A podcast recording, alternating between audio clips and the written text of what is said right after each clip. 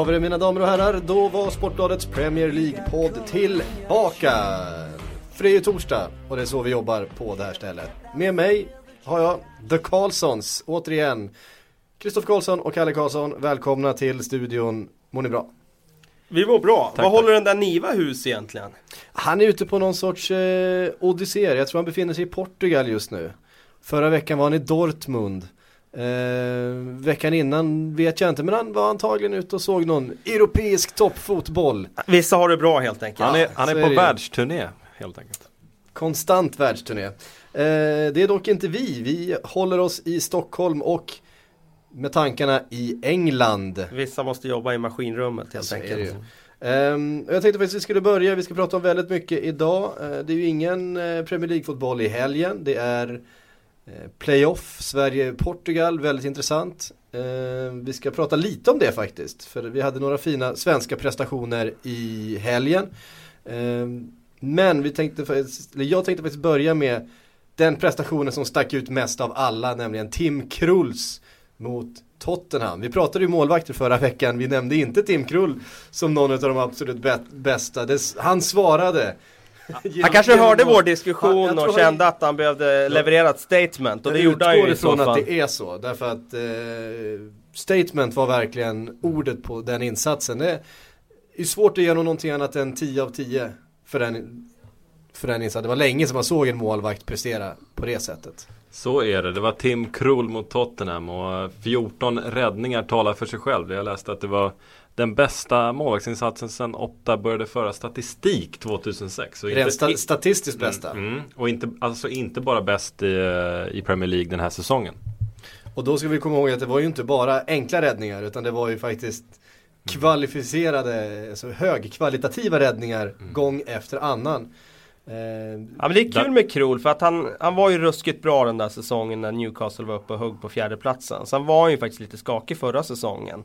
Och han hade sina toppar men han hade också sina dalar. Och det vore kul om han var tillbaka nu och kunde leverera på den där nivån som han gjorde för två år sedan. För då var han ju faktiskt en av ligans absolut bästa keeprar. och sen har han en fruktansvärd frisyr. Jag kan inte sluta tänka på den när jag ser honom spela, det är den där frisyren. Eh, Men hur som helst, vad är det som gör Tim Krul till en så eh, fantastisk målvakt när det stämmer för honom? För eh, trots allt, jag twittrade ut, jag gav honom 10 av 10 eh, direkt eftersom han spred ju ändå en hel del med fötterna. Det var ju nästan inte en enda inspark eller utspark Nej, det är det som skulle till- kunna ha dragit ner hans betyg faktiskt. Nej men han är ju väldigt bra i närspel, reaktionssnabb och alltså som skottstoppare är han ju väldigt, väldigt bra. Eh, det jag skulle dra ner hans betyg för egentligen bara det är ju just kanske spelet med fötterna, spelsinnet med fötterna. Han blir ingen sweeper keeper som du spelar hem på i ett eh, bollförande lag och så står han och prickar en spelare, liksom en ytterback som har flyttat upp till mittlinjen. Det är väl den svagheten han har men som rent som som skottstoppare och som reaktionssnabb keeper på linjen där är han ju väldigt bra. Ja, som Kalle är inne på så kan man se honom eh, sällan i och för sig. Men, men man kan se honom göra misstag när han, eh, när han får bollen långt bak och behöver ta snabba beslut. Men i år så fyra hållna nollor, det är lika många som han höll förra säsongen. Eh, och, nej, en eh, riktig stjärna och kul att han fick tändvätska av eh, vårt surr senast. Ja, eh, några bittra Tottenham-supportrar hörde ju också av sig och mm. ville kritisera sitt eget anfall. Han fick alla bollar rakt på sig, vilket inte helt var sant. Jag vill minnas en, en nick från Paulinho som eh, var riktad ganska väl mot krysset. Och, Eller Soldados försök där. Och en Ja. ganska vass fotbolls, eller vad säga, fotparad där på Eriksen. Han höll kvar vänsterbenet en, där. en frispark som styrdes i, i muren och gick förbi honom som han tog med en hand. Så att det, det var väl eh, inte riktigt sant att alla Tottenham-skott gick rakt på. Även om några faktiskt gjorde det i bra lägen. Ehm, och vad säger vi om, om Newcastle? De har ju bara producerat nio mål så här långt. Om Tottenham menar du? Eh, ja, om Tottenham, förlåt. Eh, bara nio mål så här långt. Eh, tre utav dem straffar, alltså bara sex spelmål på tio matcher. Ett lag som har investerat tungt, men förstås blivit av med sin stora målskytt Gareth Bale. Är det det vi ser konsekvenserna av framåt? Eller eh, Soldado, han köptes ju ändå in för att bli den här strikern som skulle göra 20 mål den här säsongen. Ja, vi var inne lite grann på det förra veckan att han är, han är en målskytt. Han är, ingenting, han är inte en spelare som kommer att eh, göra några större avtryck när han inte får den service han behöver från eh, mittfältet. Och där är, är det tydligt att det har tagit lite tid för nyförvärven att eh, komma in i det här. Jag, jag tycker inte Soldado ska lastas allt för mycket. Eh, alltså när han får, när han när, när laget kommer till det stadiet där han eh, får den service han kräver så kommer han att göra mål. Och just den här matchen mot Newcastle så är det ju Tim Krul som stoppar honom. Så jag är inte redo att vilja ha in Defoe där kanske för att liksom Alltså bänka Soldado in i något slags målstim. Eh, inte riktigt ännu. Jag, jag tycker han ska ha två, tre matcher till i alla fall. Det är lite intressant för att Tottenhams försvarsspel har ju varit väldigt, väldigt bra i inledningen av den här säsongen. Om man kan ju se den tendensen på lag som eh, alltså, skiftar fokus i sin hållning. Att okej, okay, nu ska vi täppa till defensiven. Och så är det offensiven som får lida på det. Eh, jag tycker inte att det är så i Tottenhams fall. Jag tycker inte att, att de har blivit ett defensivt lag som har backat hem för att eh, täta till bakåt och att offensiven sen ska liksom eh, få stryka på foten. Utan jag tycker att eh, Eh, de är fortfarande ett spelförande lag. De spenderar väldigt mycket tid på offensiv planhalva. De tar sig till sista tredjedelen. Men eh, avsluten har, har liksom inte, alltså det där sista det saknas. Och det är inte bara otur. Det är klart att det var en viss eh, dos otur i den här matchen i helgen att bollen inte smet in någon gång. Men det är klart att det också saknas kvalitet när man inte gör spelmål efter, eh, liksom, vi har gått 11 omgångar och vi har så här pass få eh, mål från ett lag som ändå ska slåss om en fjärde plats. Eh, jag tror definitivt att Gareth Bale är en, en del av det hela. I fjol så var han en så otroligt skicklig dörröppnare. Ja, så att han, han bailade liksom, ut dem lite ja, i de här precis. matcherna när det blev väldigt, väldigt trångt och svårt att göra mål. Då, då, då var, han ändå där och bjöd på en nivå till. Ja absolut och jag tänker inte bara heller på de här målen han gjorde som man såklart gjorde liksom många i slutminuterna på individuella prestationer. Jag tycker han även som dörröppnare i offensiven liksom lägg ut bollen på Bale så, så, så, kan han göra en försvarare komma till ett inlägg och så får vi en målchans ganska gratis av det. Eller lägg ut bollen på Bale Motståndarna är tvungna att lägga väldigt mycket energi och flytta över halva laget till den bollsidan och så är det någon annan som får utrymme istället. Jag tror att den Alltså betydelsen att ha en sån spelare, Mr X, den är den är stor. Sen ska vi komma ihåg att de har så många nya spelare i Tottenham i den där offensiven så att det kommer att ta tid eh, för dem att få ihop det där. Mm. Var, var är Lamela? Ja, Lamela är ju en, vi pratade lite kort om honom förra veckan och han är ju en sån som har haft det lite tungt här i inledningen. Å andra sidan så gjorde han det ju faktiskt bra här i Europa nu. Mot Sheriff ja. Ja, och det kanske var en indikation på att han börjar eh, varva upp nu. Att eh, det känns ju som att han borde vara redo för att starta i ligan nu faktiskt. Det var väldigt många som blev förvånade när han inte fanns med mot Newcastle efter den insatsen. Mm. Ehm, och fick väl inte spela någonting. Eh, ja, vad jag minns. Jag, jag, vågar inte säga det helt om han eh, trillade in där några minuter på slutet. Men eh, i alla fall inget förtroende än i ligan.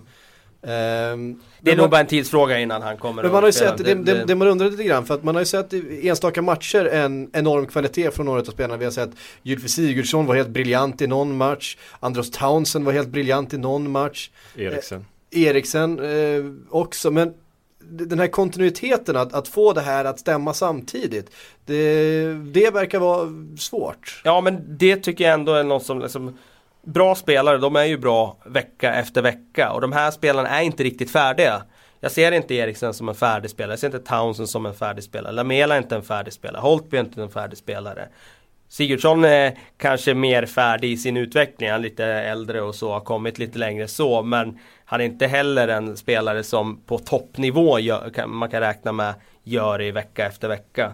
Så att eh, det kommer att ta tid för det här eh, bygget och, och, och, få ihop det tror jag. Men eh, vissa tecken finns det ju på att, att det är väldigt talangfulla spelare och att det kan bli bra i, framöver. Ja, hade jag varit Tottenham-supporter så hade jag sett hopp i att eh, de här spelarna faktiskt har blixtrat till. Och Ja, då, eh, det är hoppfullt över hur det kan se ut när eh, det väl börjar stämma för Paul, Paulinho måste vi nämna i den där gruppen också som ju Ja han känns ju färdig på det sättet alltså som Som en färdig liksom eh, etablerad spelare Men ändå inte, inte få till den här kontinuiteten eh, Som man kunnat eh, Nej, kanske riktigt. inte. Jag kanske dippar lite nu på sistone jämfört med i början tyckte han så väldigt intressant och bra ut. Mm. Vi ska eh, prata lite grann om Newcastle också som eh, Sekou Arna har skrivit till honom, det var ett Twitter-handle så jag är inte säker på att han heter så i, i verkligheten. Men han vill i alla fall eh, att vi ska utveckla hur Newcastle lyckades spöa både Chelsea och Spurs. Och sen hur de ska spela i fortsättningen. Och det jag skulle vilja säga där är att under första halvlek så såg Louis Remy ut som en eh, fantastisk tillgång för, för Newcastle. Och vi pratade lite grann på, på sociala medier, han ser ut som en Henry light. Mm. Eh, och hotade ju precis hela tiden. Så länge Newcastle var intresserade av att spela anfallsfotboll så eh, hotade han konstant hela tiden. Till att börja med angående Remi, alltså en spelare som kunde skina i ett Queens Park Rangers under fjol, fjolårssäsongen kommer alltid vara en bra spelare, för det laget var uselt, men han var ändå bra i det laget. Och angående Newcastle som har varit en berg och dalbana den här säsongen så, så jag, jag tillskriver det att alltså, det är ett lag med mycket fart och eh, vassa omställningar som eh, får problem när de ska eh, försöka bända upp ett lag som försvarar sig. Men mot ett Tottenham och mot ett Chelsea så som kommer mot dem så kan de utnyttja sina styrkor i omställningarna till perfektion. Och sen såg man ju också nu hur Alan Pardew verkligen alltså gått till en mer pragmatisk hållning. Alltså han inför Chelsea-matchen ja, så satt nästan han verkligen... cynisk. Ja men det blev en cynisk. Alltså, nu, nu ska vi verkligen sätta, eh, lägga all energi på att vi ska vara täta bakåt. Och nu eh, Yanga Biva så måste du eh, liksom lägga fokus och hålla fokus i 90 minuter. Och du får fan offra en hörntand nu också för att freda ditt mål. Och det har ju faktiskt han gjort i de här två matcherna. Nu, han som vi skrattar åt här efter Everton-insatsen. Everton, han var ju fullständigt bedrövlig i den matchen. Men han har ju faktiskt varit riktigt, riktigt bra i de här två matcherna. Och eh, även man ser på Newcastles alltså, spelare, man ser på en sån som Guffran hur han tar jobbet i defensiven. Och det är ju också intressant för nu sitter ju faktiskt Newcastles mest talangfulla spelare, han sitter på bänken, Hatem Ben Arfa. Han har ju ingen plats just nu i Newcastle i den här pragmatiska hållningen. Det blir intressant att se om Pardew får in honom, för det är fortfarande Newcastles viktigaste och kanske bästa spelare egentligen. Men han finns där som en joker. Han finns där som en joker. Som ständigt hot från bänken. Och på tal om bänken så var Men han är ju alldeles för bra för att vara joker i ett lag som Newcastle. Ja, och han är ju en spelare som behövs i de här matcherna när du inte möter Chelsea och inte möter Tottenham absolut. och när du måste föra en match och hitta lösningar. Coloccini tillbaks på bänken efter skada. Eh, nu är det landslagsuppehåll, får eh, träna, vila upp sig, kommer nog säkert vara tillbaks från start. Eh, om då, ja en och en halv vecka blir det ju eh, från nu. Hur mycket betyder han då för det här Newcastle som börjar hitta lite, lite form? Ah, ja men alltså, det är klart att i, i vanliga fall så betyder han ju massor. Alltså det är ju en, deras hjärta och själ i den där backlinjen. Men som Young Biva och Williamson har spelat nu och jag vill även framhålla Mattias Debussy som har eh, visat eh, väldigt, väldigt fin form här de senaste, senaste månaderna faktiskt. Eh, så ser jag inte det som självklart liksom att han ska gå in och spela direkt i första matchen nu. För att eh, så bra som det har funkat nu i de här två matcherna så tycker jag nog att de har förtjänat nya chanser. Ska vi säga någonting om Chik Teotero som ju hade en, en fantastisk säsong för två säsonger sedan. Eh, hade det kämpigt förra säsongen men ser nu ut att ha börjat hitta rätt igen. Eh, ser, eh, var en terrier mot Chelsea. Eh, gjorde, täckte väldigt mycket yta mot, mot Tottenham. Gav väldigt lite tid åt de här som vi pratat om, Eriksen eh, och så vidare på det offensiva mittfältet för Tottenham. Eh, vad betyder han för eh, det här cyniska Alan Pardew Newcastle? Han är ju någonstans symbolen för eh, liksom ett cyniskt hållningssätt. Alltså han är ju så otroligt jobbig att möta på det sättet att han ger ju aldrig upp karln. Alltså han är ju som en sån jävla fluga som man får i örat liksom som, som bara vill in där liksom.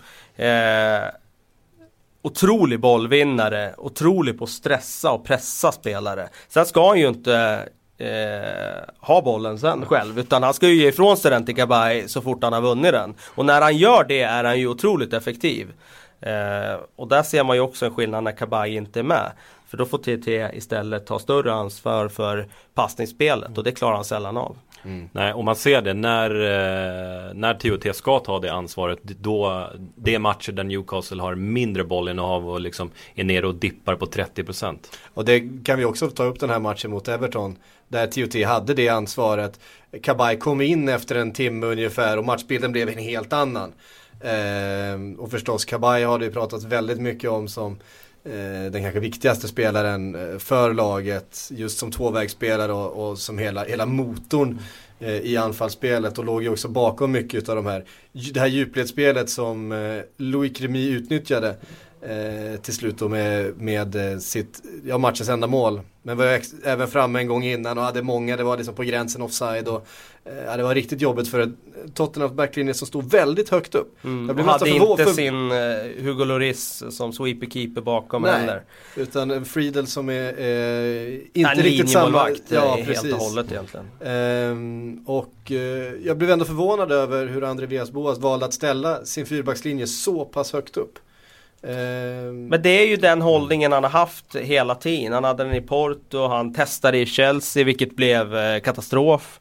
Uh, han har fortsatt med det i Tottenham. Det är liksom så han, det är hans filosofi bygger på det. Vi var inne på det förra veckan också att uh, Juris är den perfekta målvakten med den höga backlinjen. I och med att han kan komma ut och han är snabb och uh, snabb i besluten och bra med boll. Men just med tanke på att man har Juris borta, man möter en forward som Louis Remy som är snabbare än, än alla mittbackar i Premier League. Eh, en, en Kabay som slår de där bollarna med precision. Eh, också med, duk med duktiga yttrar då som jag pratat om.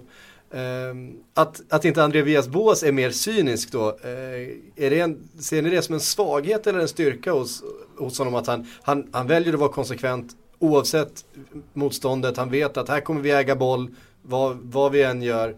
Eh, Newcastle kommer gå på kontring. Hade det inte varit en idé att kanske sträcka ut laget lite mer?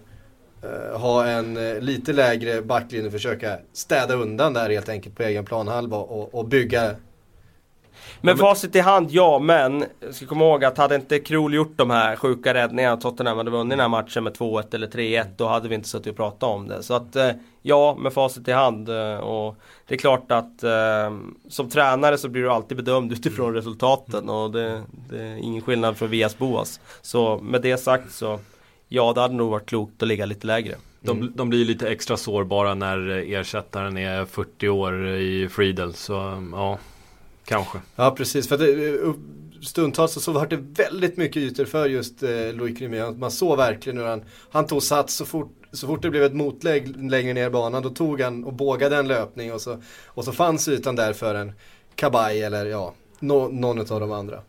Eh, som sagt, eh, lite jobbigt för Tottenham, lite frustrerande. Ett annat lag som frustrerar lite grann, eh, i alla fall på bortaplan, är ju Manchester City. Briljanta hemma på Etihad eh, stundtals, men eh, svettigt nu eh, i helgen igen.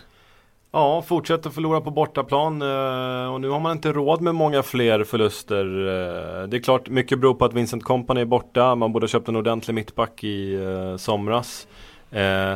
Men det är som att de kommer till bortamatcherna eh, med, med självförtroende, vilket i vanliga fall är bra, men det känns som att de har lite för mycket självförtroende. De, eh, jag tycker inte Pellegrini anpassar sig efter motståndare, han, eh, han beger sig till bortamatcherna Eh, liksom fast besluten om att spela sitt spel utan att ta hänsyn till, till motståndarlaget. Och det drabbar dem på bortaplan. Eh, de, de ser lugna ut spelarna, för lugna och eh, nej, straffas.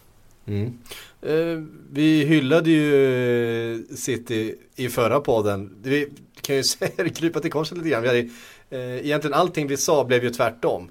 Eh, Agüero hyllade vi. Eh, vi nämnde en massa målvakter utan att nämna Tim Krull. Eh, vi, vi hyllade Chelsea också vid något tillfälle tror jag. Eh, men så är det. Det är ju det är upp och nervända världen den här säsongen och det är eh, High Chaparral. Och man ser en, en, spelare, vi pratade om backlinjen här i Manchester City, en spelare som Demikelis till exempel. Hade ju ganska jobbigt mot eh, Sunderland då. Bland annat, inte minst vid målet han och Milner väl sprang ihop egentligen va. Eh, vad eh, kan vi förvänta oss av en, en sån spelare som Demichelis som ändå var en ganska högt ratad eh, back inför. Du som har följt honom ja. i Malaga ja, inte minst. Jag, jag vet inte hur högt ratad han var egentligen. Eh, kom ju gratis till Atletico Madrid. Eh, och som sen sålde honom två eller tre veckor senare till City för eh, 50 miljoner kronor. Eh, de gjorde ju en bra affär kan vi konstatera i efterhand. Han är liksom han är en mittback som skulle kunna fungera med, med company. Alltså han eh, du, det går inte att spela honom med Nastasic i min bok. Alltså Nastasic är en supertalang, han har eh, framtiden för sig. Men att Nastasic ska tvingas spela bredvid en Demikelis i eh, Premier League. Det, det, blir, det blir svårt för dem. Det, det, det är öppet för eh, misstag där. För Demichelis har inte den kvaliteten att han kan lite gärna hjälpa eh, en ung Nastasic. Så nej, Demichelis var ju helt fel i sommar. Eller helt fel ehm, man kan inte räkna med att kompani ska vara borta så mycket som han har eh, varit den här säsongen. Men nu när han är det så är Demichelis inte en fullgod ersättare någonstans. Och Lescott ser sämre ut än någonsin. Mm. Eh, backlinjen i all ära men eh, vi fick en fråga här. Eh, där det gällde, nu ska vi se vart den tog vägen. Eh, jag tappar bort den bland mina papper här. Men i alla fall. Kring, men vi kan ju ta kring, lite mer om, de, lite om Demichelis just. Ja, det är ju en omställningsperiod tror jag för mittbackar som går från La Liga till England. För det blir ett annat typ av spel. Och det är ganska uppenbart att han inte ännu har, har hittat rätt. Men eh, jag tror ändå liksom på, med tid att fram i vår så kan han ändå vara hyfsad komplementspelare. Liksom. Mm. Men eh, om man håller som första val redan den här säsongen, det vet jag inte. Mm. Ja, det var Henke på Twitter. Eller Men han spelar ju med skott nu i, mm, i mot Sunderland och precis. Ja, det funkar inte heller så bra. Eh, Superlicious, eller Henke, eh, kalla honom vad ni vill på Twitter. Eh, han skriver så här, City behöver mer kreativitet utöver Silva. Modric eller Mata? Frågetecken, är detta möjligt? Men vi, utan att börja spekulera för mycket, behöver City verkligen mer Nej. kreativitet Nej men säg så här, de behöver ju mer kreativitet när Silva inte spelar. För det är ganska uppenbart att de saknar honom när han inte har varit med. Det var ju, alltså det är enorm skillnad med och utan David Silva. När han är med tycker jag inte att de behöver mer kreativitet. Jag skulle snarare vilja se alltså, den här osjälviska spelartypen. Alltså de har en Nasri, de har en Silva, jättebra spelare på små ytor. Jättebra på att hitta lösningar, intrikata lösningar genom passningskombinationer. Men jag vill ha den här osjälviska spelartypen som löper för andra. Inte bara löper för sig själv. Jag tror den typen av spelare liksom City skulle behöva. Att få in en Mata där som är en väldigt eh, eh liknande spelartyp som Silver. Det tror jag inte alls är, är rätt medicin för City. Utan han skulle nästan bli bara en, en, ett bänkalternativ till, till David Silva. Till David Silva, ja. exakt. Det blir samma sak som, ska ha samma roll där som i Chelsea i princip. Ja. Eh, och I vissa matcher skulle han såklart gå före Silva men eh, eh, Nej det, det, tycker jag inte är lösningen utan snarare liksom att få in en annan typ, en mer direkt spelartyp. Kan du, kan du ge ett exempel på en sån spelare? Ja men eh, säg en eh, Ja men bara ta, ta, jag säger inte just att det är han, men just spelartypen, Andreas mm. Schürrle. Han mm. bidrar ju med något annat i det här Chelsea-bygget. Alltså han är väldigt eh, stark i djupled, går gärna rakt på mål, gärna in bakom backlinjen medan det är andra offensiva mittfältare där som gärna kommer och möter och får bollen på fötterna. Så att alltså hitta en annan, alltså Marco Reus då, om vi ska ta han då. Ja, Marco Reus. Marco Reus. Ja. Det skulle vara en perfekt spelare att få in i City för att han bidrar med något annat. Mm. En spelare som det dessutom har ryktats kanske ska lämna eh, Bundesliga. Han borde ju vara högt värderad efter vad han eh, sysslar med i Bundesliga kan man ju tycka. Nu ska vi inte snöa, nu ska vi inte snöa in på Dortmund men hur, vad, vad, är det med det laget att trolla fram mittfältare? Alltså, de är, det är ju helt magiskt. Nej, ni behöver inte svara på det, det är en helt annan Det får ta i Bundesliga-podden. Ja, vi får ta det i, vi, vi bjuder in Pierre Wingren till det och så, så får han reda ut det. Han har hyfsat bra koll på Dortmund. Ja det får man säga. Eh, ja men just det, då är vi inne på Schürrle och eh, hur han skulle fungera och lite för många liknande spelartyper. Eh, vi har fått en fråga här om Chelseas handbollsanfall. Eh, och deras problem är att eh, hitta i djupet, att de egentligen kanske inte har någon som riktigt går i djupet utan det eh, man spelar, upp, man spelar sig upp till mitten på offensiv planhalva och sen så börjar det gå i sidled och i sidled och i sidled och försvar, eller motståndare hinner samla sig. Eh, är, det det, är det så ni upplever Chelseas problem? Nu var det ju eh, by the grace of eh, Ramirez som det blev en poäng i lördags. Mm. Eh, en av de billigaste straffarna jag har sett faktiskt på väldigt länge i Premier League. Mm. Ja, om vi ska börja med handbollsspelet då så är det ju Det är klart att Eto'o är ju ingen djupledsspelare idag. Eh, och ja, inte på det sättet han var tidigare i alla fall. Precis. Eh, och eh, ja, Torres har ju inte kvar snabbheten som han hade på sin storhetstid. Så. Men alltså pillar du bara in en Lukaku där, alltså har du ju liksom, där har du ju medicinen mot vad som kan liksom komma eh, i perioder att se ut som det här handbollsspelet. Eh, och eh, ja, vi har ju varit inne på det beslutet tidigare att låna ut eh, Lukaku och kommit fram till att det var kanske inte det bästa. Men eh, han var inte så bra mot Crystal Palace i, i helgen. Nej precis, då är han rökt. Mm, mm. um, Nej lite. men alltså grejen, jag vet inte om det bara är det heller utan det handlar väl också lite om att Chelsea tycker jag har ett problem i att eh, Mourinho vill spela omställningsfotboll. Och då använder han en viss typ av spelare som Hazard, Oscar och eh, eh, ja, säg William. Mer eh, alltså speediga spelare. Men de får inte spela den typen av spel mot lag som backar hem. Och när de, skulle, när de, när de ställs mot det försvaret, ja då, då behöver de ju ha Mata på plan. Men det har varit matcher till exempel, jag minns inte vilken match det var, det var Everton borta. Då var Mata på plan i första halvlek när de eh, eh in, alltså när de skulle spela omställningsspelet och sen när Everton hade tagit ledningen och de fick möta handbollsförsvaret. ja men då tog de ut Mata. Mm. Det skulle ju såklart ha varit tvärtom. Han skulle ju ha varit på plan när de fick möta det här låga försvaret. För det är han ju väldigt, väldigt bra på. Alltså han är ju bäst i Chelsea på att hitta lösningar mot handbollsförsvaret.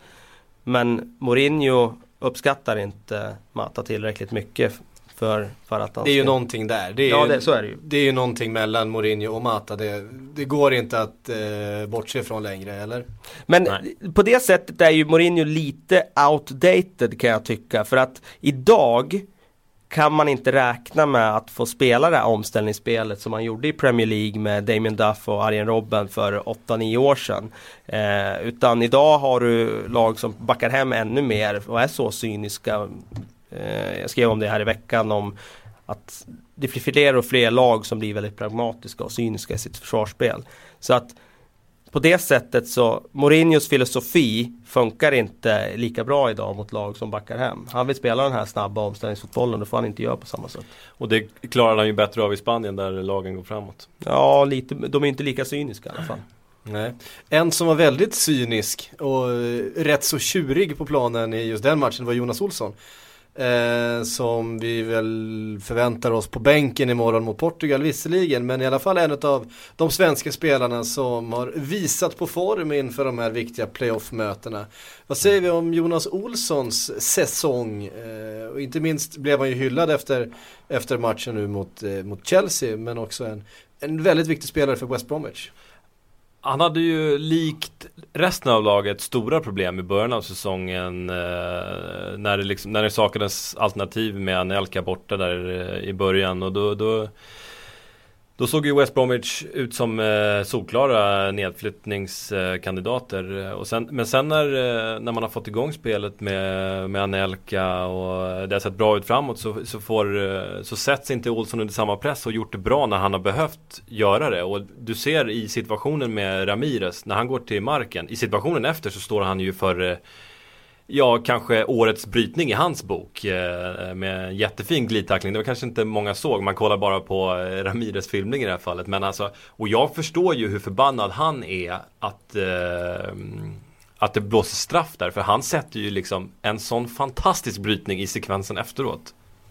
Ja, en, eh, en resa förstås, men bjuder också på en del i landslaget i alla fall. Han har ju varit ganska generös med med tabbarna. Eh, inte riktigt samma frekvens när det gäller det i West Bromwich. Nej, vad, vad kan det ju, bero på? Nej, men han hade ju den där tunga perioden i våras. Då såg han ju riktigt skakig ut och då tyckte jag också att han skakar på ett sätt som han inte borde göra. För att det han, även om formen är dålig och han gör misstag i spelet med fötterna så borde han fortfarande vara sköta, spel, spel, ja, liksom precis, sköta spelet ja. i luftrummet. Det tycker jag man kan förvänta sig av en sån spelare. Det gjorde han inte ens i våras. Eh, men liksom kolla matchen på Stamford Bridge. Eh, han och McAuley de ägde ju fullständigt i eget straffområde. Och nu tycker jag det är den här Jonas Olsson, den här resoluta eh, försvararen som verkligen offrar sig i situationerna och agerar med pondus igen. Eh, så att eh, hans form är riktigt bra och det vore synd tycker jag om han inte startade mot Portugal för det är Sveriges mest formstarka eh, försvarare nu. Mm. Och där tycker jag att det, att Hamrén inte kan skifta mer. Han har, han har valt Nilsson och Antonsson. Ja det är ju ett problem att han har hattat så ja. mycket som han har gjort. Och ett mm. problem är ju framförallt nu när de börjar svikta i formen, exakt, Antonsson och Nilsson. Han måste, Sverige måste spela eh, Antonsson Nilsson över det här playoffet och sen byta tillbaka till Olsson. om han, äh, om han Hamren har kvar jobbet. Även om det kostar en VM-plats alltså, säger KK. Intressant. Så ta, men, men tar vi oss till VM, då, då, tror ni ändå att det är Jonas Olsson som kommer Ja, absolut. Eh, vad, vad spelaren vi ska luta oss mot väl där? Jag tror att han är Sveriges, jag tycker att han är Sveriges bästa mittback, ja. Mm. Och alltså som sagt, Antonsson och Nilsson. Alltså, tro, jag tror att Hamrén väljer det för att han inser själv att han kan inte hatta mer nu. Eh, och även jag befarar de, också det. Ja, och även om eh, Även om eh, Antonsson och Nilsson skulle ta oss till eh, VM så, så ser jag definitivt Olsson kliva in eh, i landslaget igen. Även om han har eh, egentligen aldrig fått det att funka i landslaget. Bredvid antingen då Antonsson eller Nilsson? Ja det blir ju så, det blir ju så. Eh, och det är väl eh, kanske en öppning för att det ska börja fungera för Olsson i i landslaget. För han har ju aldrig fungerat med Granqvist till exempel. Nej, jag skulle säga Granqvist, ingen no takers. Nej. Nej. Eh, vi lämnar det där. En annan svensk i alla fall som bjöd på lite glädje var faktiskt John Guidetti. Eh, som i alla fall under dagen före fanns med i, i den stora truppen som man presenterade då som skulle resa eh, till Birmingham då för att möta eh, West Bromwich. Nej, det var på hemmaplan. Sunderland. Ja, nu bland nu, nu, nu, nu blandar jag ihop eh, skrällarna här. Mm. Eh, med Manchester City förstås. Eh, till Sunderland. Och eh, fanns sen inte med på bänken när den slutgiltiga matchtruppen väl presenterades. Men han fanns ändå med där. Eh, kring en Manchester City-trupp. Vi kan väl nästan räkna med att är han i form så kommer han lånas ut i januari. Eh, vart skulle ni vilja se honom? Vad tror ni är bra för honom just nu? Han har ju visat att, att han har kvaliteter för eh, toppfotboll. Det såg vi i Holland. Eh, är det en sån, sånt lån igen? De skulle säkert ta emot honom med öppna armar. Det har ju sagts det där med att han inte ska utomlands och sådär. Men jag skulle absolut gärna kunna se tillbaka till Holland. Mm. En liga där han har trivts förut. Där han har där presterat han får förtroende. Förut, där han får förtroende. Och eh, en liga som uppenbart är en bra språngbräda för att ta nästa steg sen. Så att eh, tillbaka till Holland skulle jag gärna se. Mm. Mm. Ja, nej, jag pratade med en källa i England där som var eh, stensäker på att eh, de inte kommer att låna ut honom utomlands utan att det blir Championship i januari. Och då, eh, alltså det har ju snackats lite grann om Nottingham Forest och det är ju ett lag som haft det kämpigt med formen på sistone så där kanske han skulle kunna vara ett välkommet tillskott eh, och få chansen ganska direkt faktiskt. Sen är ett lag som, eh, ett annat lag som faktiskt eh, visat sviktande form på sistone är Watford. Nu har det inte snackats något särskilt om Watford eh, vad gäller Gudetti. Men eh, det är också ett lag som jag skulle väldigt gärna se honom i tillsammans med Joel Ekstrand. Mm. Uttagen ur landslaget också. Mm. Bara en sån sak. Mm. Det ska bli intressant att se. Ja, de har ju inlett eh, EM-kvalet här uruselt så han kanske kan eh, styra upp den där skutan nu i, imorgon. För kvalitet finns det där någonstans i de eh, kycklingförgiftade benen. En annan svensk som stod för en helgjuten insats i helgen var Sebastian Larsson när han med sitt Sunderland som vi nämnde innan eh, skrällde mot Manchester City. Ehm, vad säger vi om Sebastian Larsson? Han hade ju en tuff fjolårssäsong. Har svajat lite i början på den här eh, under Paolo Di Canio. Nu Gus Poirier inne. Vart står Sebastian Larsson idag? Ja, det är svårt att säga tycker jag för att eh, man eh, har ju spelat honom ur position rätt länge nu I fjol fick han spela en hel del som mittfältare, central mittfältare. Han fick aldrig spela som högermittfältare, den positionen han egentligen ska spela i. Och det är samma sak den här säsongen, han spelar mycket som central mittfältare. En skillnad nu sen på tog över, det är ju att han har spelat eh, med tre centrala mittfältare. Och nu i helgen var det ju Key då som defensiv, Colback och Larsson. Och det gynnar ju definitivt Seb eftersom jag tycker inte att han är tillräckligt bra som central mittfältare för att bära upp ett tvåmannamittfält i Premier League. Eh, han behöver eh, vara på tremanna mittfält och då kan han möjligen hantera det. För att det man alltid får av honom det är ett väldigt hårt arbete i båda riktningarna. Så som energispelare och sen använda sin starka högerfot ibland så kan han eh, göra nytta. Men eh, jag tror fortfarande om Sebastian Larsson ska tillbaka till den där formen han höll för två år sedan. När han faktiskt var riktigt, riktigt bra första hösten i Sunderland. Då ska han ju spelas till höger på mittfältet där han får använda sin inläggsfot. För den är ju fortfarande eh, i toppklass. jag skulle säga det, för att man får ju också ett väldigt fint tillslag. Och det, det såg vi ju i helgen också, att han bjöd på jättefina crossbollar och, eh, och inlägg. Problemet med Di Canio var ju att han envisades med en eh, italiensk 4-4-2 eller 4-4-1-1. Eh, och nu med det här tremanna mittfältet. Eh, alltså under Di Canio så när Larsson spelade centralt så liksom på grund av Di Canios val att spela liksom med två mittfältare så förlorade ju Larsson mittfältskamp och mittfältskamp. Och det är ju det är aldrig bra för självförtroendet. Men med Poirier eh, och Larsson där tillsammans eh, med Key och Colback då då tror jag att det kan se bättre ut. Jag vet inte hur mycket bättre, men det, det kommer se bättre ut för Larsson. Mm. Får han förtroende mot Portugal? Ja, det tror jag. Det tror jag. Yep. Han har ju faktiskt fått förtroende nästan hela vägen utav eh, Hamren. Sen är han en bra tvåvägsspelare. På det sättet är han ju eh, kanske det bästa alternativet för Sveriges del just mot Ronaldo. För han kommer ju att möta honom på den kanten. Men det är på en kant han ska spela i landslaget. Ja, Vi ska ja, inte ja, in med, nej. in honom i ser, centralt. nej. Alltså han ska inte spela centralt egentligen i Sunderland heller. Utan det är ju de har hål i truppen. Mm. Och han har varit tvungen att släcka bränder. Eller de tränare som har varit där har varit tvungna att släcka bränder. Och de har använt Larsson till att göra det. Jag tror inte han själv tycker att det är speciellt kul att spela centralt. För jag tror han känner själv att jag passar ju faktiskt bättre till höger. Ja, det är ofta som man har sett att han inte får riktigt den tiden att använda sitt, sitt långa spel utan han blir ofta stressad och tar en sidleds eller en bakåtpassning istället för att då öppna upp spelet eller växla tempo som han är väldigt duktig på. Sen har vi i svenska landslaget, till skillnad från Sunderland, eh, bra med alternativ på det centrala mittfältet. Um, Måste säga då där, flicka in där, Key har ju faktiskt varit ett fint tillskott i Sunderland. Mm. De har ju ett otroligt svagt central mittfält i den klubben. Eh, jämfört med de andra Premier League-lagen. Men eh, Key då från Swansea som de lånade in i slutet av fönstret. Det är ju faktiskt en spelare som har ganska hög potential. Och eh, visade det faktiskt stundtals i början av sin Swansea-sejour. Och eh, redan nu pratas det ju om att köpa loss honom från Swansea. Och jag tror inte det skulle vara helt dumt att göra det. Mm. En annan spelare som eh, kan vara aktuell för ett landslag, är någon vi har pratat en hel del om. Vi har inte minst pratat om eh, hans lag Southampton en hel del. Men det är Adam Lallana. Eh, som nu verkar vara, han är uttagen i alla fall till Roy Hodgsons eh, landslag. De är ju klara, de ska möta Chile och Tyskland va? Träningsmatcher här framöver. Eh, och Lallana är uttagen och han har ju en otroligt stark höst bakom sig. Vad, vad säger vi om den här eh, utvecklingen och det här, det här genombrottet som man har haft? För att vi ska ju säga att Southampton trodde man ju var ett, var ett spännande lag men då pratar man om Wanyama, Osvaldo förra säsongen kom en eh, Ramirez. en Ramirez som inte ens får sitta på bänken eh, i vissa matcher nu. Det, är- utan det, det är de, de eh, egna spelarna som har tagit klivet. Va?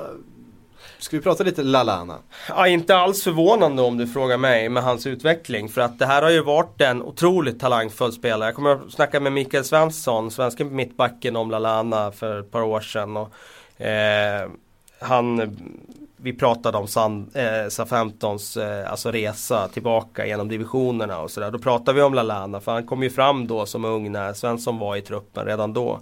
Och eh, han är ju, alltså tekniskt sett har han ju en nivå som engelska spelare vanligtvis inte har.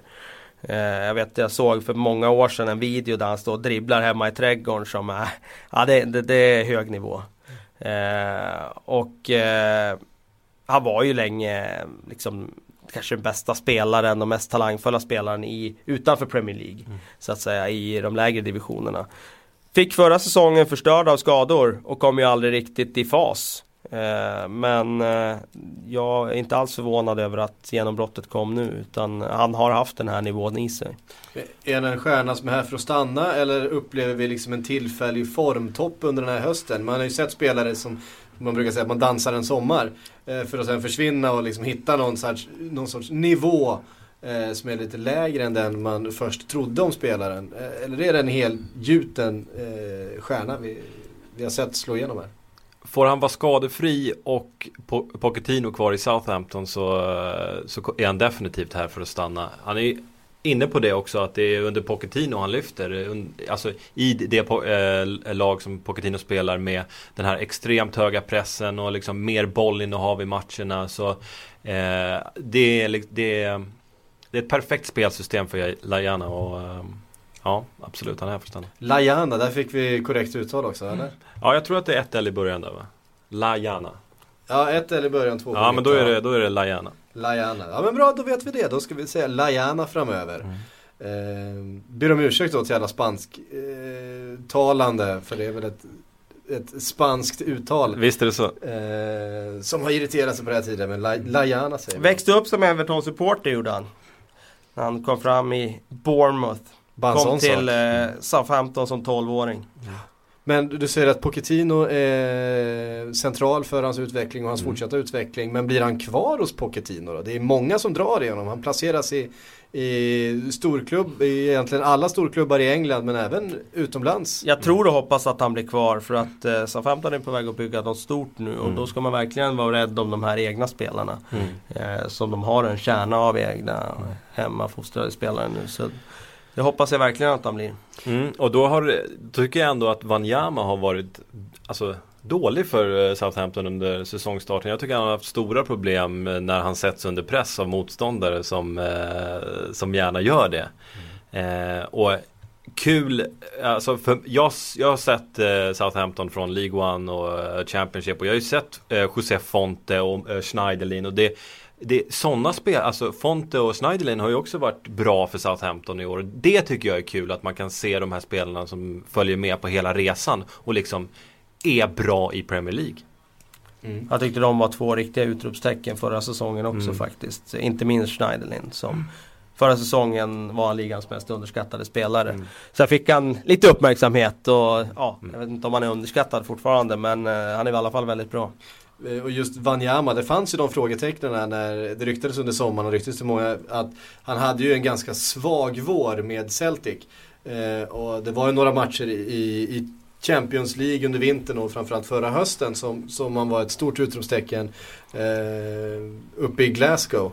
Eh, men eh, hade visat på just lite sviktande form under, under våren och har ju inte riktigt kommit tillbaka till den nivån som eh, Jag tycker han är nyttig, han är inte som TOT, han är nyttig som bollvinnare mm. men han ska inte bära det stora kreativa ansvaret. Jag tycker han blir överambitiös ibland han, eh, och då, då får han problem när han sätts under press. Mm.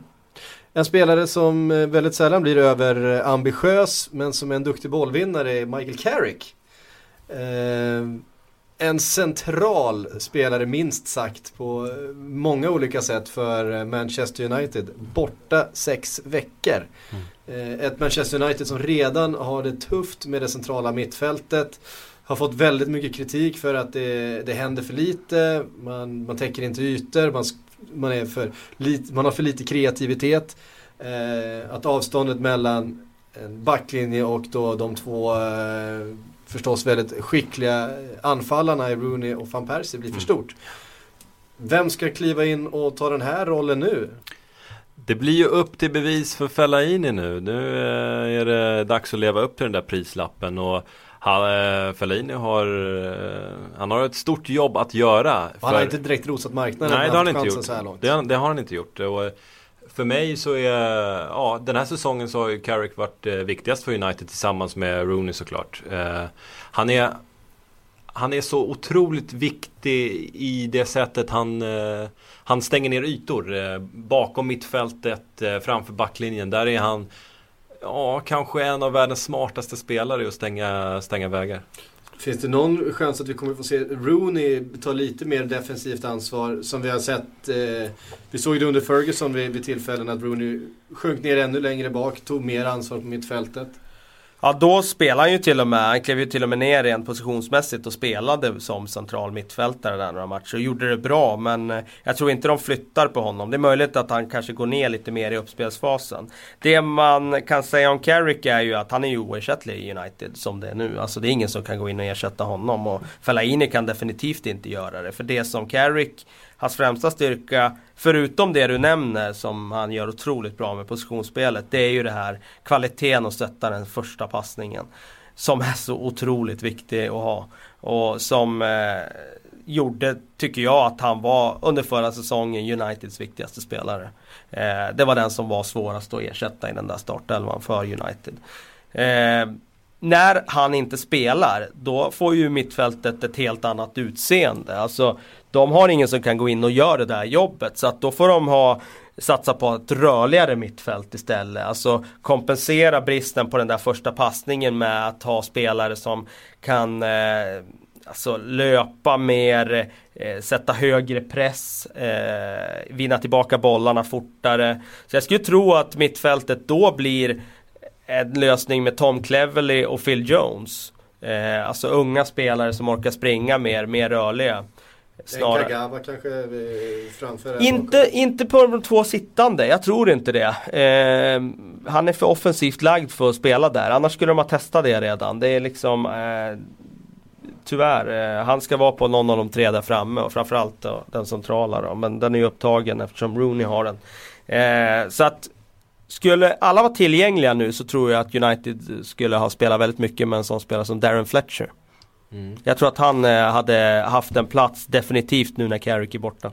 En Fletcher som ju har varit tillbaks i Ja, han är ju på väg tillbaka. Ja, efter väldigt lång tid och ja. väldigt, väldigt jobbiga omständigheter förstås med den här sjukdomen. Mm. Eh, och honom ska vi väl inte ha några förväntningar på alls egentligen eh, på kort sikt. Eh, för vi vet ju faktiskt inte hur, eh, hur påverkad han har blivit. Dels av den långa frånvaron från toppfotboll men också den här faktiskt eh, magsjukdomen som han eh, lider av. Eh, så där får vi nog vänta och se lite grann vad, vad Fletcher kan erbjuda i, i framtiden. Eh, men som sagt, Carrick borta sex veckor. Är det, blir det panikköp utav, utav central mittfältare i januari för United? Det skriks ju om det bland supportrar. Jag tror att de tittar eh, definitivt på att lösa en mittfältare. Det var ju snack om att Ander Herrera skulle in där på deadline day. Eh, och eh, jag tror säkert att de tittar på honom till januari igen. Nu var det ju Det kommer ju det här eh, galet in, rykte om Iniesta här och att de har massa pengar att spendera och sådär. Alltså det är inte alls omöjligt att de undersöker alla möjligheter som finns överhuvudtaget i fotbolls-Europa. Pengar finns det ju. Pengar det, finns. Det vet vi ju. Eh, och finns det liksom, får de någon indikation på att någon spelare inte vill förlänga sitt kontrakt så är det såklart så att de är där och ställer en fråga. Sen har jag väldigt svårt att tro att de skulle lösa Anders Iniesta. Samir Khedira är ju en spelare Ja det är en som, annan spelare. Som, som det har pratats mycket om som dels skulle vara, är lite missnöjd eh, över sin situation i Real Madrid men som också faktiskt skulle kunna gå in precis exakt på den här platsen som Och vara ett bra komplement till Carrick. Ja. Han är en rörlig spelartyp som gärna går i djupet. Mm. Däremot är det väldigt svårt att säga att de skulle lösa han i januari. Det känns som en sommarvärvning i så fall. Ja ja, den som drar loss Kadira gör eh, ett ordentligt fynd. Mm. Vi ska prata lite grann om det här med, eh, eftersom vi inte har några, några eh, matcher till helgen, det är, det är playoff.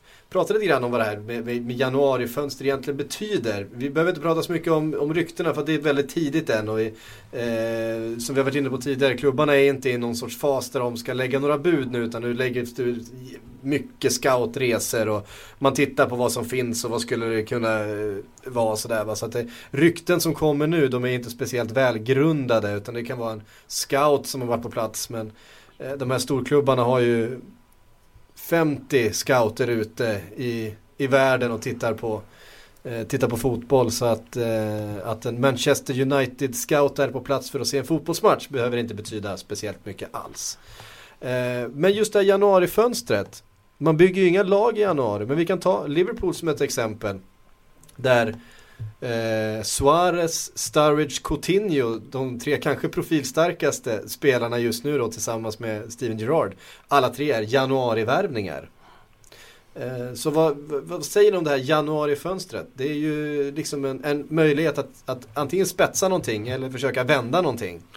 Ja, det man ska ha i åtanke allra först är ju att det är VM nästa sommar. Så du kommer ju inte kunna köpa en spelare som eh, ja, du kommer förmodligen inte kunna köpa en spelare som är ordinarie i sitt lag. Du kan köpa en spelare som, eh, som har svårt att ta sig in i ett lag. Eh, och du nämnde Coutinho till exempel, var ju, kom ju från Inter.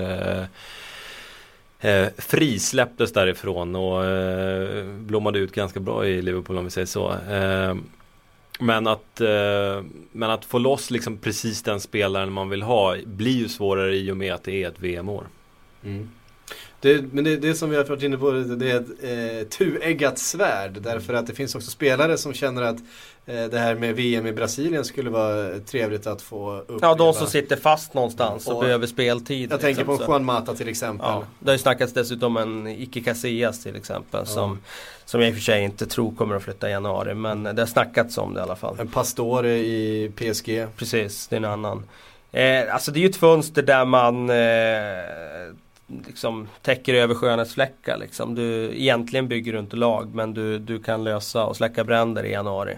Eh, att Liverpool har varit så framgångsrika som de har varit med de här värvningarna, det är ganska unikt faktiskt. Att man sätter sådana fullträffar i januarifönstret. Jag kan inte komma på något liknande om jag inte går tillbaka till United med Vidic och Patrice Evra i januarifönstret 2006. Eh, men annars så januari-dealar annars är ju ja, det är sällan man sätter de här som blir långsiktiga succéer. Mm. Eh, det ska ju nämnas där också att Andy Carroll var också en januarivärvning så att men, eh... Jelavic var en januarivärvning, var jättebra i en, ett halvår. Cissé var en januarivärvning, jättebra ett halvår. Eh, ja. På, gre på Grebniak. På, på, på Grebniak. Ja. Var också som, en januarivärvning. Som gjorde fem mål på sina sex första touch. Något sånt där. Kan man eh, kalla impact. Eh, Samma sak med Arshavin var också en januarivärvning. Just det. Eh, vi har fått förstås som vanligt en hel del frågor. Det är inte oväntat väldigt mycket frågor om vilket lag ska värva vem. Eh, men om vi säger så här då. Du, du pratar om släcka bränder. Vilket lag har den största branden att släcka? Det blir ganska uppenbart nu när Carrick är skadad. Att, att Men om du säger sex veckor så är han tillbaka när januarifönstret öppnar. Så det är januari. inte så mycket att släcka då kanske. City har en brand att släcka i eh, försvaret. Så mycket kan vi konstatera. Du vill in en till mittback där alltså? Ja, absolut. Okay. Mm. Absolut. Och kanske kasta ut någon? Uh, ja, det Ja, det är klart. Ja, jag tror inte de värvar någon mer mittback. Det tror jag faktiskt inte. De har ändå kompani, han kommer tillbaka, Lescott, Demichelis, mm. Nastasic. Jag tror, Nastasic, jag tror att de nöjer sig med det. Men då har ändå kompani gått sönder två gånger den här mm. säsongen. Mm. Ja, hans skadebild är ju oroande. Men, men jag tror inte de löser en in mittback för det. Men med tanke på hur långt de är efter så har de ju absolut inte råd med att ha kompani eh, borta någonting mer den här säsongen. Nej, så är det ju. Han är ju otroligt betydelsefull för dem. Det är ingen tvekan om det. Ja, jag, jag, är ganska övertygad om att de värvar mittback i januari ja, okay, faktiskt. Ja. Det blir Kanske blir en sån här Mangala typ i Porto, mm, alltså en mm. framtidsvärvning. Men även en som kan gå in och spela. För ja. jag har ju svårt att se att de ska få loss rätt mittback i januari. Ja. Det är inte så jävla lätt. Nej. Nej. Som sagt, jag tror att det, här, det, här, det kommer bli ett lugnare januarifönster än eh, du brukar ha. I och med att det är VM-år. Tror du det? Ja, det Trots jag. att det är så många lag, i, inte minst i Premier League, som eh, har gått sämre än förväntat. Jag tänker på City, jag tänker på United. Mm. Ja, det... Ja, vi får se helt enkelt. Vi får se. Det blir intressant att, att följa i alla fall. Vi får säga någonting om eh, Fulham också, som uppenbarligen har eh, ett antal bränder att släcka. Såg fullständigt håglöst ut mot Liverpool i helgen. Eh, det är nästan svårt att hylla Liverpools insats där, för de bjöds inte på något motstånd överhuvudtaget. Martin Joll ersätts nu eh, vad det verkar med René Mulenstein va? Vad kan det innebära eller är det så som det såg ut i helgen skulle jag nästan säga att Fulham aspirerar på eh, nedflyttningsplats ganska rejält. Bara med Ja det gör de ju, det gör de ju som det ser ut nu för nu är de ju verkligen på väg Gamnacken de visade upp var, var, var eh, häpnadsväckande faktiskt. Alltså Mjölnerstein kommer ju kliva in som headcoach under Joel så att eh, och de flesta inser väl att det är ett drag för att eh, då har de ersättaren på plats den dagen Joel får sparken. Mm. Eh, han var ju extremt uppskattad i United som andra man där, eller tredje man till Ferguson där med Mick Peelan och han. Eh, väldigt duktig instruktör nere på träningsplanen. Alltså som, eh, som eh, lägger upp träningar så är han ju väldigt, väldigt skicklig. Så att det är möjligen då att han kan, att kan, kan lyfta spelarna på det sättet. Eh, och att han eh, bara det här med att få till en förändring, att det kan ge någon liten effekt. Men eh, när det gäller Fulham så är jag lite orolig för just det där med man, man tänker sig liksom att de här Brede Hangeland och Aaron Hughes och de här ska liksom De ska överleva i, och leverera år efter år liksom mm. i all evighet. Men de är inte lika bra som de var för 3-4 år sedan. Och så kommer en Amore Bieta in här och som skakar ordentligt. Mm. Och han har liksom inte alls blivit den liksom, trygga mittbacken som de hade hoppats på. Så att, eh, och sen liksom när det går emot, ja då är väl Dimitar Berbatov den sista spelaren man vill ha liksom i ett lag som har motvind. Liksom, ja. Han är jättebra när solen skiner och man leder med 3-0. Då är han bäst i ligan. Men eh, han är också sämst i ligan när han inte är på humör. Mm. Så att eh, Ja, det, de har det lite kämpigt. Det ser onekligen mörkt ut och i dagsläget så är de ju en självklar, eh, alltså i min bok så är de självklara för nedflyttning. Men så kollar du på vad som händer i ett Sunderland till exempel som också såg självklara ut. Du får in eh, Gus Poirier och, och nu för mig så kommer de klara sig utan problem. Eh, även fast de har Utan problem? Ja, utan problem! Ja, För, okay. kan, alltså de eh, lag som finns där nere är så pass usla Alltså eh, du, tänker Crystal, Crystal Palace Crystal Palace blir svårt, ja. blir svårt att argumentera någonting annat ja. än Vilka av de övriga två plankorna? Du har Norwich eh, under ja. Houghton som ser ja. Eh, ja inte alls och bra ut. Och så Fulham då? Ja, Fulham. Ja, det, okay. så, så i min bok så, eh, så är jag, jag är ganska säker på att Sunderland kommer klara det. Med Poirier och med byt, skiftet i spelsystemet eh, så tror jag att de kommer klara sig. De kommer plocka tillräckligt mycket trepoängare. Eh, och det är ju vad Fulham eh, behöver få till. Eh, de behöver få bort eh, Martin Joll och sen ja, Alltså lösa det på det vägen som ett Sunderland. Det är fortfarande rätt tidigt i säsongen så Fulham kan överleva. Mm. I Fulham finns ju också en svensk landslagsman i Alexander Kacaniklic. Som var... Kan få ännu svårare att platsa framöver för nu såg jag rykten idag om Clint Dempsey in i januari här som mm. ett sånt där lån då. Så då skulle han vara inne på lån i ett par månader där. Och vi ska vara helt ärliga och säga så har Kacaniklic kanske inte gjort sig förtjänt av den där startplatsen heller. Var petad, var till och med utanför truppen, satt inte ens på bänken. Eh, det Fulham gick knackigt. Han fick ytterligare chansen, blev utbytt nu. Han startade mot Liverpool, blev utbytt i halvtid. Mm. Vilket ju sällan är ett eh, bra betyg. Och var, hade väl knappt rört bollen vid det eh, tillfället. Vad jag kunde se i alla fall. Eh, Viktor Lundqvist vill att vi ska prata lite grann om Di Matteo. Vad gör han idag? Eh, kan man, räkna kan, pengar kan gör han. han sitter någonstans och räknar pengar. Han får faktiskt fortfarande lön av Chelsea. Bara en sån sak. Det 130 000 pund i veckan cashar han in. Mm.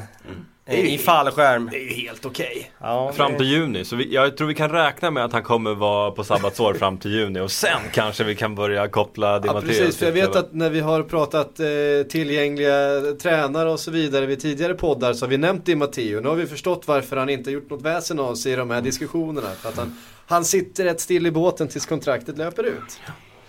Eh, så är det ju. Intressant att man, varför är det, det känns som det är Chelsea som hamnar i de här situationerna. Det är klubbar med för mycket pengar som ja, hamnar i de situationerna. Visst, visst, var det liknande situation med André Villas Boas?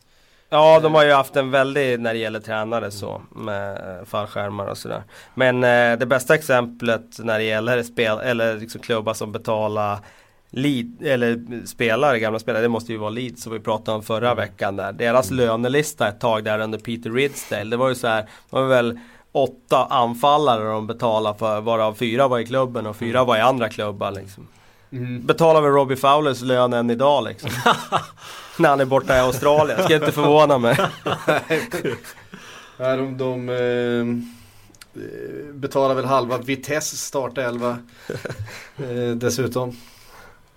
Ehm, eh, ska vi se, vi ska ta lite fler eh, lyssnarfrågor. Vi kan väl ta den här från Martin Frodesson. Varför spelar inte United med 4-1-2-1-2 uppställning? Eh, det där var alltså inte ett telefonnummer utan det var en föreslagen startuppställning från eh, Martin Frodesson för Manchester United. Han undrar, är det för, är det för att det blir för tunt på mittfältet? Eh, och ja, det är väl kanske en förklaring men det är väl inte eh, något spelsystem som är speciellt vanligt. Eh, och det, det, skulle då likna snarare den här 4-4-2 med en diamant mm. på mitten som bland annat Lagerbäck försökte sig på med svenska landslaget för ett antal år sedan och eh, kanske inte ett, ett spelsystem som så många överväger. Det finns ju en bättre parallell att dra där och det är ju att Alex Ferguson använde ju, han testade ju det där i fjol med att spela med mittfältsdiamant förra hösten och det var ju en viss framgång när han liksom gjorde det som överraskningsmoment i de första två matcherna. Eh, men i längden så, så var det ju ingen framgång utan det, problemet är ju att eh, när du möter lag som backar hem så blir det spel alldeles för centrerat och han insåg ju när han hade kört det där i några veckor att vänta nu jag har tränare i den här klubben i, i 25 år och en extremt viktig del i den här klubben har varit vårt kantspel. I alla år har det varit det. Ska vi ta bort det då genom att, att spela ett system som inte använder vingspelare? Nej, alltså han insåg att det går inte. Så att det beror helt på vilket material du har. United är en klubb som alltid har spelat, byggt sitt anfallsspel på inläggsspel och, och alltså vingspel. Och då, då, då är det ju väldigt märkligt om man använder ett spelsystem som inte använder yttermittfältare. Om eh, den här eh, killen som frågar tänker liksom ett system där man spelar 4, 1, 2, 1, 2 och där de här eh, kantspelarna liksom ska vara eh, liksom Janushaj och eh, eh, liksom Antonio Valencia på varsin kant om den här diamanten. Då är svaret att ja, man blir alldeles för tunn centralt. Det är helt uteslutet. Det går inte. Alltså det funkar på football manager kanske. Men det är helt uteslutet att spela ett sånt system i Premier League. Eh, för vilken klubb som helst. Det är helt omöjligt. Mm.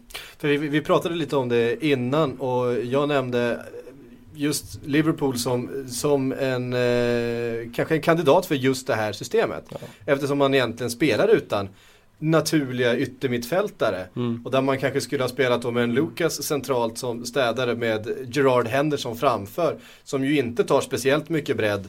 Mm. Men eh, som kanske då skulle kunna ha en central mittfältsroll utan att behöva täcka den där sista eh, ytan. Eh, där det har brustit lite grann. Alltså där har du ju skillnaden. Nu nämner Henderson Gerard. De, de är alltså rätt spelartyper för att vara de här alltså, eh, spelarna i, liksom i yttersidorna av diamanterna. Alltså det är ju spelare som är centrala spelare egentligen. Eh, så Liverpool de har ju en, en trupp som eh, skulle kunna hantera det systemet och det skulle kunna passa rätt bra. Jag tror inte alls det är omöjligt att det blir det här framöver. Och då, jag tror att de då snarare skulle kalla det en 4-3-3 faktiskt med en, eh, man säger de här tre pilarna inverterade. Att man är, spelar eh, då en Coutinho som det skulle handla om i anfallstrion istället för att se honom som spetsen i en mittfältstrio. Eh, lite beroende på, det är ju en lek med siffror, det har vi varit ja, inne på det. förut. Och, eh, det är individuella roller. Men det handlar ju också om, eh, spelar man så och har så eh, centrerat mittfält då vill du också gärna ha mittfältare som kan gå på ett genombrott och som kan gå i djupled. För det som händer med dina, dina forwards är ju också att de får ta ett större eh, ansvar i, i bredden. Det har vi ju sett när, när de här, ja, till exempel då Liverpool med Sturridge Suarez har varit nere vid hörnflaggan ibland och hämtat upp bollar. Då behöver du en Henderson eller en Gerard som, som löper in i ytan eh, för att fylla på där det faktiskt blir tungt centralt eh, offensivt. Det, det, har de ju spelarna för. Jag menar Henderson är ju en av de bästa i Premier League tycker jag på att ta Alltså, alltså jobbet i båda riktningarna och liksom väldigt väldigt disciplinerad defensiv men också väldigt tillräckligt löpstark för att ta den typen av löpningar offensivt. Så att mm. Det skulle nog kunna funka i Liverpool. Gerard också som gillar Sorry Gerard, ja. ja. Som gärna stormar fram där med Han tystade väl rätt många tvivlare här med sin insats i helgen Han va? gjorde det. Eh, inte minst med, med sina fina inlägg. Det, det, är svårt att sätta just den spetskvaliteten ut, utanför starthörnan. För så fort det är en fast situation, gärna den där bollen eh, strax snett utanför eh, straffområdet så vet man att den, den dimper ner där mellan, mellan eh, backarna och målvakten och är väldigt svår att försvara sig mot. Ehm, ja, det är imponerande hur han har faktiskt vässat den kvaliteten under åren också. För från, från att från början har mest ha varit en sträckt vristkille eh, till att faktiskt smeka in dem där med eh, enorm precision. Vi hinner med en fråga till och det är eh, Pod Future Ulfcast som han kallas på Twitter, eller Jonte Tengvall som han har som handel. Eh, han ville ju prata om Stoke Alona som han kallar dem, alltså Barcelona och Stoke i ett ord. Eh, och eller spelskickliga mittbackar. Och då, mittbackar har vi varit inne på, men vi kan väl säga någonting om eh, Stoke och Mark Hughes eh, lagbygge. Vi har ju hyllat honom tidigare under säsongen för att det har sett bra ut. Eh, men att poängen har uteblivit. Och nu är man ju, eh, nu är man, jag tror man står på 10 poäng och eh, är liksom allvarligt indragna i eh, bottenstriden. Så jag vet inte hur länge vi kan eh, berömma Hughes för uh, nu börjar det brinna i knutarna känner jag. Det jag tycker var ett väldigt bra exempel på målet de gjorde här mot Swansea i helgen. Nu kanske inte alla har sett det men då tycker jag att ni ska gå in och kolla på det. Söka upp det. Steven Islands 2-0 mål. Det var ju, alltså det var ju ryskt klapp-klapp-lir från eh, Larionov Krutov-tiden. Alltså det var ju ett fantastiskt fotbollsmål. Det var liksom one touch, 4-5 passningar och sen hade de frispelat Ireland. Och det var så eh, kul bara att se situationen för redan när bollen är vid mittlinjen så Stoke för bara ett år sedan, ja de hade ju stoppat den där bollen på höjden upp till en Crouch som hade stått och nickat ner. Nej men nu var Crouch väldigt nära situationen, kom och mötte, visade fötter, satte tillbaka bollen. Mm. Och sen var det ett par passningar till och så fick han den i nästa läge och då satte han den liksom väldigt känslig. Giroud-klass på det liksom eh, neddämpningen till en framåtlöpande, djupledslöpande Irelander. Så att det målet var ju någonstans eh, symbolen för det nya Stoke Alona som eh, spelar en helt annan fotboll än vad de gjorde förut. Eller så tog eh, Crouch rollen som Zlatan i Barcelona eh, med den dämpningen. Ja, det, det Nej, men man, ser, man ser ju det också att de är eh, oerhört känsliga när eh, Swansea väl sitter, sätter press. Och man trodde ju kanske, eh, ja, nu leder de med 2-0 här, nu, nu, tar de den här tre poängen och så börjar de plocka poäng. Men eh, ja, Swansea vänder till 3-2. det fortsätter vara tomt på kontot. Sanslös match när alla andra tittade på Arsenal United så mm. bjöds det på stor fotbollsunderhållning mm. eh, i den matchen.